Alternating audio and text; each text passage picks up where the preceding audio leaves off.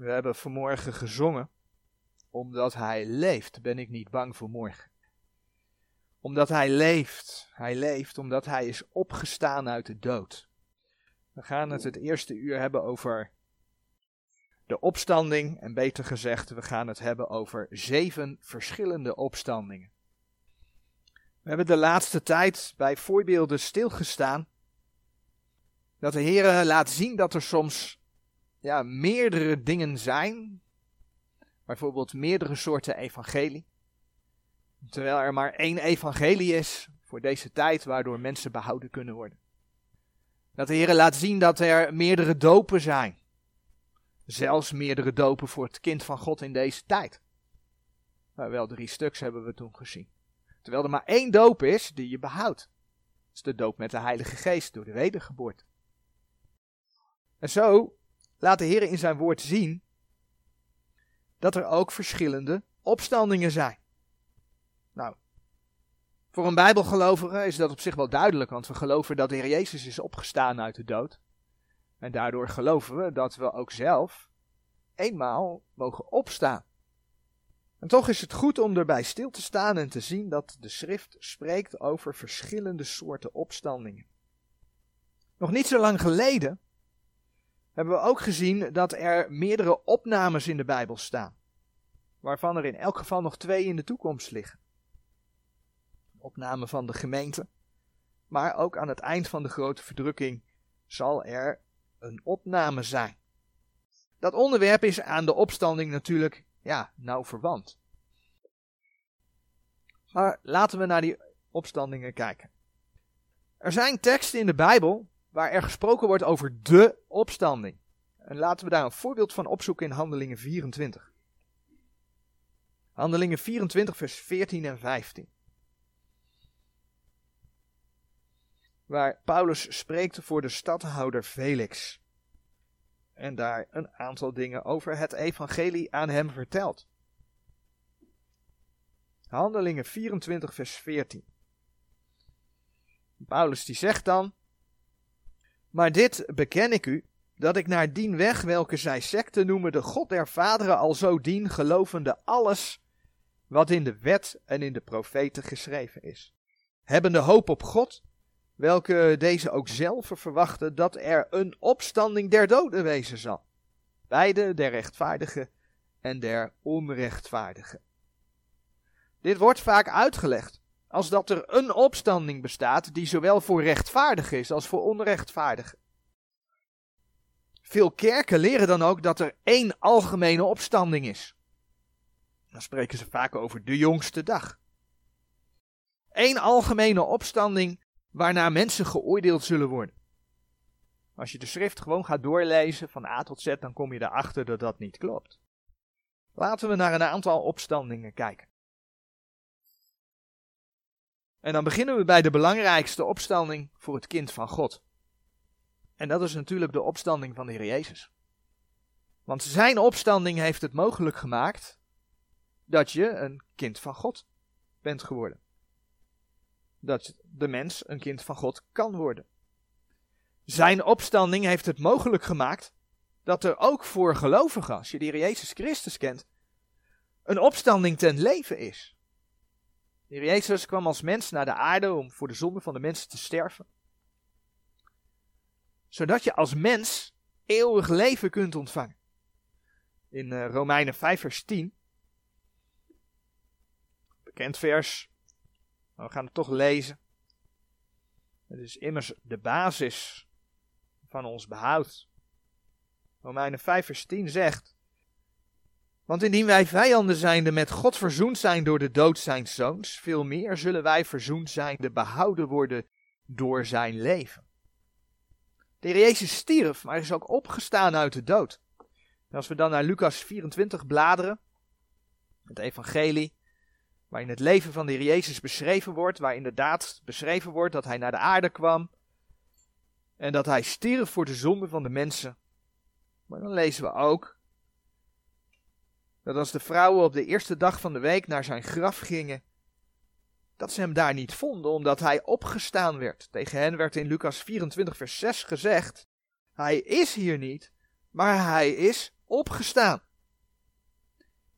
In het Oude Testament was het al geprofiteerd dat dit zou gaan gebeuren. Koning David heeft erover geschreven in, Psalm 16, vers 8 tot en met 11. En die versen uit Psalm 16, die worden dan door Petrus in zijn Pinkstertoespraak aangehaald om te laten zien dat dat in vervulling is gegaan. Je vindt dat in Handelingen 2, vers 24 tot en met 31. In de evangelie lees je dat de Heer Jezus zijn sterven, maar ook zijn opstanding aankondigde. Een voorbeeld is Lucas 18, vers 33. Dus ook daarvan lezen we de vervulling. Als we dan naar Romeinen 1, vers 4 bladeren, dan zien we dat door zijn opstanding de Heer Jezus bewees de Zoon van God te zijn. In Romeinen 1, vers 4 staat geschreven: Die krachtiglijk bewezen is te zijn de Zonen Gods, naar de geest der heiligmaking uit de opstanding der doden namelijk Jezus Christus onze Heer. Hij heeft bewezen de Zoon van God te, te zijn, omdat hij opstond uit de dood. En alleen daardoor kon hij voor onze zonde sterven, omdat hij zonder zonde was. Laatst vervangen. Dus juist daardoor kun je als mens in hem vergeving en eeuwig leven ontvangen. En daarom is het ook het geloof daarin dat behoudt. zoals Romeinen 10, vers 9 zegt. Namelijk indien gij met uw mond zult beleiden de Heer Jezus en met uw hart geloven dat hem God uit de doden opgewekt heeft. Zo zult gij zalig worden. Ja, en dat is natuurlijk de reden dat die opstanding zo aangevallen wordt. Tot in de theologie toe, tot in de nieuwe vertalingen, tot in studiebijbels toe.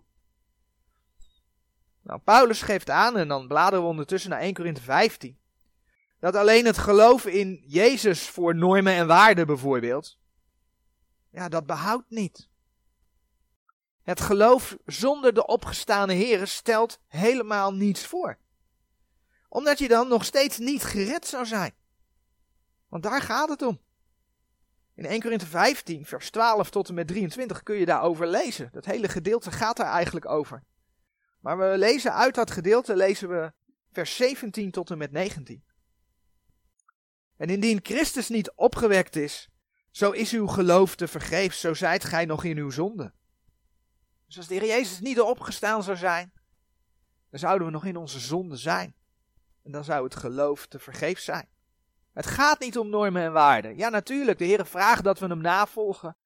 Dat we zijn woord in de praktijk brengen. Dat is een vervolg daarop. Maar het begint bij de Heer Jezus, die is opgestaan uit de dood. Dus dan zou het geloof te vergeefs zijn.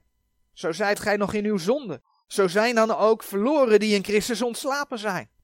Indien wij alleenlijk in dit leven op Christus zijn hopende, zo zijn wij de ellendigste van alle mensen.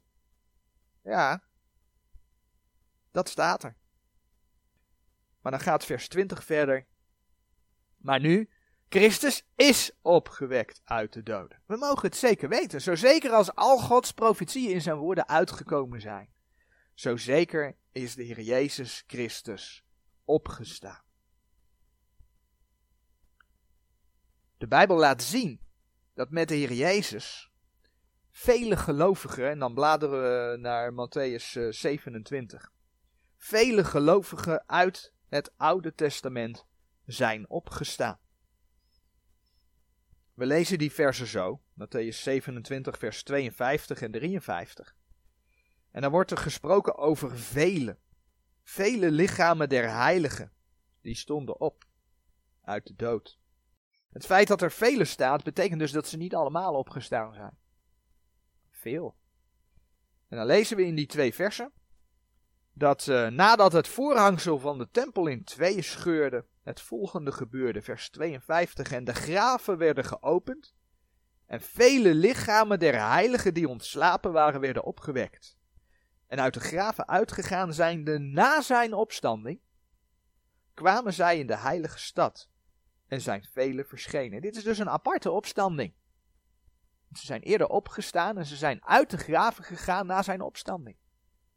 Nou, een ander tekstgedeelte, schriftgedeelte dat erover gaat, gaan we nu niet op in. Maar dus Efeze 4, vers 7 tot en met 10 heeft daar ook mee te maken. En toen we bij de twee toekomstige opnames stilstonden, toen zagen we dat dit, wat hier gebeurde, samen met de opstanding van de Heer Jezus, die eerste groene pijl in dat schema te maken had met de eerstelingen. dat was een vergelijking met de oogsten van het Oude Testament, waar eerst de eerstelingen werden ingezameld, later de oogst en dan nog een late oogst. En dit had met de eerstelingen te maken. Je kunt dat onder andere vinden in 1 Korinthe 15, vers 23. Nou, we zagen dat de belangrijkste opstanding de opstanding van de Heer Jezus is. Omdat deze je als gelovige onder andere het eeuwige leven heeft gegeven. we lazen al in Romeinen 10, vers 9 dat er staat dat je door met je hart te geloven in de opstanding van de Heer Jezus, dat je behouden wordt. Als kind van God behouden bent geworden. Op het moment dat je de Heer Jezus als je persoonlijke verlosser aanneemt, dan word je opnieuw geboren. Laten we naar Efeze 2 bladeren. Dan word je opnieuw geboren, dan krijg je een nieuw leven. Dan krijg je een nieuw leven van de Heer. En dat maakt dus dat je een voor God dood mens was, maar levend bent geworden voor de Heere God. Door die wedergeboorte. Efeze 2 vers 1, daar staat geschreven. Efeze 2 vers 1. En u heeft hij mede levend gemaakt. Daar gij dood waart door de misdaden en de zonden. En dan gaat vers 5 als volgt verder. Ook toen wij dood waren door de misdaden, heeft ons levend gemaakt met Christus. Uit genade zijt gij zalig geworden. En heeft ons mede opgewekt. Mede opgewekt. Dit gaat dus niet over de toekomstige opstanding, maar als christen ben je met de Heer Jezus geestelijk gezien opgestaan. En heeft ons medegezet in de hemel in Christus Jezus. Je bent dus levend gemaakt, je bent mede opgewekt. Het is een geestelijke opstanding. Nou, we hebben het wel gehad over de geestelijke besnijdenis, die in Colossense 2, vers 11 en 12 besproken wordt. Dat is een geestelijke besnijdenis die zonder handen geschiet door de werking God, staat er in dat gedeelte. We hebben het wel gehad over de Heilige Geest die je dan indoopt in het lichaam van de Heer Jezus. Dat is ook een geestelijke doop, een geestelijk gebeuren, dat doet de Heer. Dat heeft allemaal met die geestelijke opstanding te maken en versen die je daarbij zou kunnen lezen worden eigenlijk altijd betrokken op de waterdoop, maar dat gaat over de geestelijke doop, dat je als gelovige met de Heer opgewekt bent. Is Romeinen 6, vers 3 en 4. Gaan we nu niet doen. Dat zou je voor jezelf erbij kunnen lezen. Maar als gelovige in de Heer Jezus mag je weten dat je niet alleen geestelijk opgestaan bent, je mag ook uitzien naar een lichamelijke opstanding. Belangrijke schriftgedeelten daarover zijn 1 Thessalonicense 5 staat daar, dat moet 4 zijn. 1 Thessalonicense 4 vers 13 tot en met 18. En 1 Korinthe 15 vers 50 tot en met 55. Dat beschrijft dat de Heer met een geroep uit de hemel zal komen. Hij zal neerdalen, staat er. En dan zullen degenen die in Christus gestorven zijn, zullen opstaan. En daarna zullen de levend overgeblevenen samen met hen de Heer tegemoet gaan in de lucht. Nou, en als je dan als gelovige de Heer tegemoet gaat, dan ontvang je een opstandingslichaam. En we gaan daar Romeinen 8 voor opzoeken. Romeinen 8, vers 11.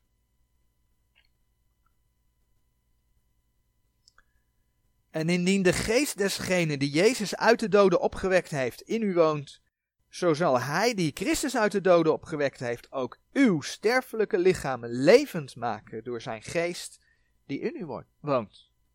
Ja, dus je lichaam zal eens levend gemaakt worden. Overkleed worden, veranderd worden. Je zult een opstandingslichaam krijgen. En dan gaat vers uh, eh, 22 gaat verder. Want wij weten dat het ganse schepsel tezamen zucht en tezamen als in barensnood is tot nu toe. En niet alleen dit, maar ook wij zelf, die de eerstelingen des geestes hebben. Wij ook zelf, zeg ik, zuchten in onszelf, verwachtende de aanneming tot kinderen, namelijk de verlossing onzes lichaams. Dus dat lichaam dat hier op aarde onderhevig is aan de zonde, En dat daardoor ook ja, eens zal sterven hè, als de Heer ons niet eerder komt halen. Dat lichaam kan niet in de eeuwigheid komen. Maar de Heer geeft een opstandingslichaam. Een lichaam dat de Heer Jezus gelijkvormig zal zijn. En je vindt daarover geschreven onder andere in Filippenzen 3 vers 21. Nou, toen we bij die twee toekomstige opnames stilstonden en ik ga vast naar de volgende dia. Toen zagen we dat dat te maken heeft, als je dat vergelijkt met de oogstfeesten van Israël, met de oogst. Als de Heere de zijne tot zich neemt. Zal plaatsvinden aan het eind van de gemeentetijd, voordat de grote verdrukking over deze aarde zal gaan. Maar niet alleen de gelovigen van de gemeentetijd zullen opgenomen worden. Als we het hier over het kruis van de Jezus hebben. Daarna is met Pinkstera, eigenlijk kun je zeggen, de gemeente begonnen. Eigenlijk al bij het kruis, maar goed. Toen is de gemeente gaan groeien, zeg maar. En we zijn nou iets meer dan nou, ongeveer 2000 jaar verder. En we leven vlak voor dat de gemeente opgenomen gaat worden. Als de gemeente opgenomen is, komt de grote verdrukking en aan het eind van die periode zal er nog een groep opgenomen gaan worden. Daarvan wordt uh, onder andere geschreven in Matthäus 24, vers 29 tot en met 31. Als we dat met die oogstfeesten vergelijken, dan gaat het om de late oogst. Maar die opname die wordt eigenlijk ook beschreven door de opname van de twee getuigen die in de grote verdrukking op aarde zullen zijn. En dat wordt beschreven in Openbaring 11. En daar gaan we een aantal versen over lezen. Openbaring 11, vers 3 tot en met 12. En uit dat gedeelte lezen we de versen 11 en 12. Openbaring 11, vers 11 en 12. En na drie dagen, de twee getuigen zijn op een gegeven moment gedood. En dan lees je, en na drie dagen, na die drie dagen en een halve, is een geest des levens uit God in hen gegaan. En zij stonden op hun voeten. En er is grote vrees gevallen op degene die hen aanschouwden. En zij hoorden een grote stem uit de hemel die tot hen zeide, Komt herwaarts op. En zij voeren op naar de hemel in de wolk. En hun vijanden aanschouwden hen. De Heer zegt dus dat de twee getuigen gedood gaan worden en na drieënhalf dag zullen ze opstaan. En de Heer zal ze in de hemel roepen. Ze zullen opgenomen worden. Ook de gelijkenis van de vijf wijze en vijf dwaze maagden, beschreven in Matthäus 25, vers 1 tot en met 13. En Lucas 12 heeft daar ook mee te maken. Lucas 12, vers 35 en 37. Die over Israël gaat, gaat over het moment van de wederkomst. Men wacht totdat de Heer terugkomt. Dat lees je in die gelijkenis. En dat heeft dus met deze gebeurtenis te maken. In die gelijkenis is sprake van maagden. En in Openbaring 7 en 14 lees je dat er 144.000 getuigen ook maagden genoemd worden. Ik geloof dus dat ook hun opname daarmee samenhangt. Openbaring 14, vers 1. En ja, in die tijd zal er dus, het is een opname, maar er zal ook een opstanding plaatsvinden. Kijk maar in Openbaring 20, vers 4. In de grote verdrukking komt een grote wereldleider, de antichrist. Die zal iedereen vervolgen die op dat moment in de Jezus gelooft. Zal hun onthoofden. Maar van hen staat geschreven, dat is dus voordat het duizendjarig vrederijk gebeurt, dat zij zullen opstaan uit de dood. Openbaring 20, vers 4. En ik zag tronen en zij zaten op dezelfde. En het oordeel werd hun gegeven. En ik zag de zielen dergenen die onthoofd waren om de getuigenis van Jezus en om het woord Gods. En die het beest en deszelfs beeld niet aangebeden hadden. En die het merkteken niet ontvangen hadden aan hun voorhoofd en aan hun hand. En zij leefden en heersten als koningen met Christus de duizend jaren. Dus de mensen die gedood worden in de grote verdrukking, omdat ze geloven in de Heer Jezus Christus, zullen opstaan en ook met hem heersen. In het Oude Testament is het al geprofiteerd in Jesaja 26, vers 19 tot en met 21. Eigenlijk hebben we het gehad over drie opstandingen, ja, meerdere opstandingen, maar drie die hiermee te maken hebben. De eerstelingen, de oogst en de late oogst. En dan lees je in openbaring 20 vers 5. Maar de overige der doden werden niet weder levend totdat de duizend jaren geëindigd waren Deze is de eerste opstanding. Dus op dat moment dat die opstanding van Openbaring 20, vers 4 gebeurd is, is er sprake van de eerste opstanding. En die eerste opstanding is dus eigenlijk verspreid over zo ongeveer 2000 jaar. En bestaat dus uit in elk geval drie opstandingen. Maar goed, je kunt daar de opstanding van de Heer Jezus bij rekenen. Je kunt daar de geestelijke opstanding van de gemeente bij rekenen. Je kunt daar zelfs de, en daar ga ik zo meteen nog op verder, de nationale opstanding van het volk Israël bij rekenen. Dus in die eerste opstanding, daar zitten een aantal opstandingen. Net zo goed als we spreken over de Heere God die uit drie bestaat, net zo goed als we in de Bijbel zien dat, dat er een de Heilige Geest is. Maar de Bijbel spreekt over dat de Heilige Geest bestaat uit de zeven geesten Gods. Er is dus ook een fysieke opstanding van het volk Israël. Het volk dat als de Heer terugkomt tot bekering komt. Nog niet zo lang geleden hebben we stilgestaan bij Romeinen 11, vers 25 en 26. We hebben gezien dat als de ongerechtigheid van de heidenen vol is, dat er een moment komt dat geheel Israël tot bekering gaat komen. Laten we naar Ezekiel 37 bladeren. Dat zal zijn aan het eind van de grote verdrukking. Op het moment dat de Heere terug gaat komen. En op dat moment laat bijvoorbeeld Ezekiel 37 zien dat er een fysieke opstanding zal plaatsvinden van het volk van God. In Ezekiel 37 vanaf vers 10 lezen we een stukje. En dan zien we daar staan, en ik profiteerde gelijk als hij mij bevolen had. Toen kwam de geest in hen en zij werden levend en stonden op hun voeten. Een gans zeer groot heer. Toen zeide hij tot mij, mensenkind, deze beenderen, die zijn het ganse huis Israëls. Zie, zij zeggen, onze beenderen zijn verdord en onze verwachting is verloren, wij zijn afgesneden. Daarom profiteer en zeg tot hen, zo zegt de Heere Heere, zie ik zal uw graven openen en zal uw lieden uit uw graven doen opkomen, o mijn volk, en ik zal u brengen in het land Israëls. Dat is de opstanding van Israël. Op deze aarde.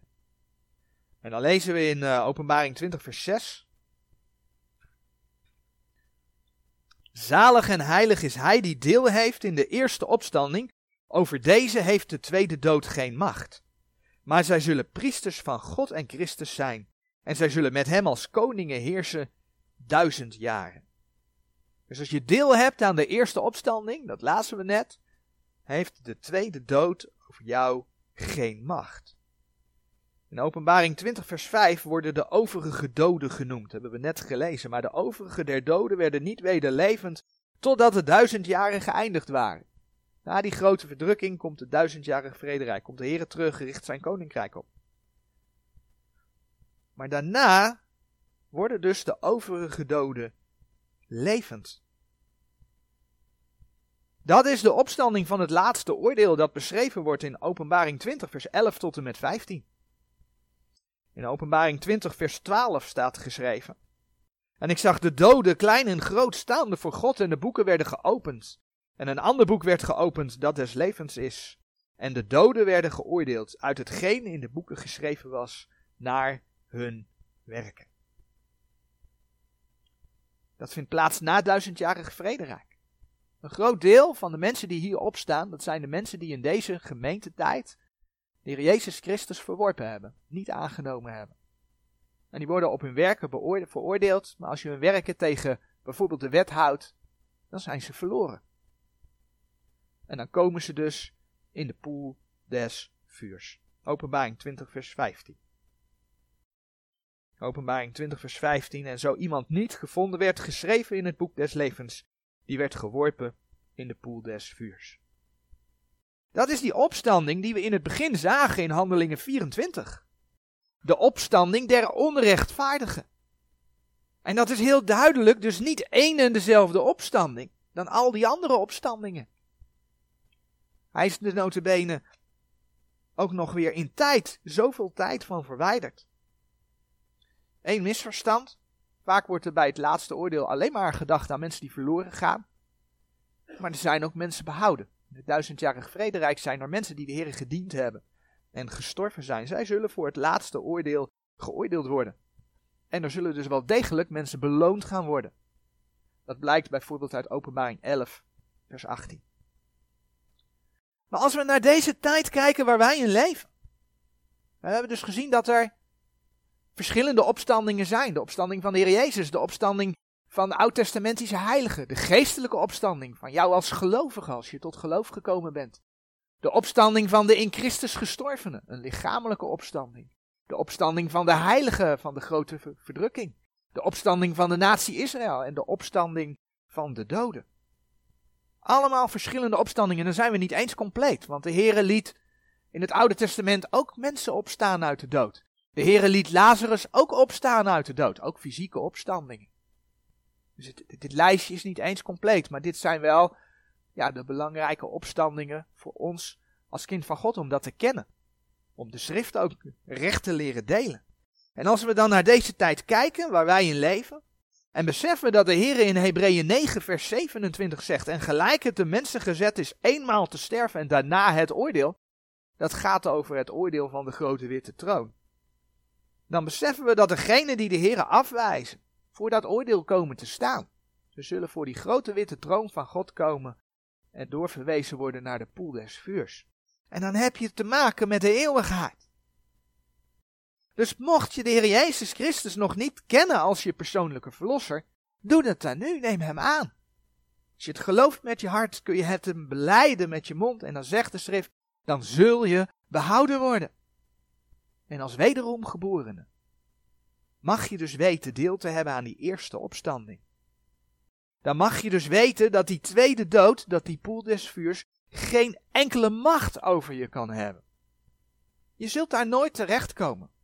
En dat is weer een stukje zekerheid in het geloof, die je als kind van God mag hebben, mag weten. En in die zekerheid mag je gaan als kind van God. Amen.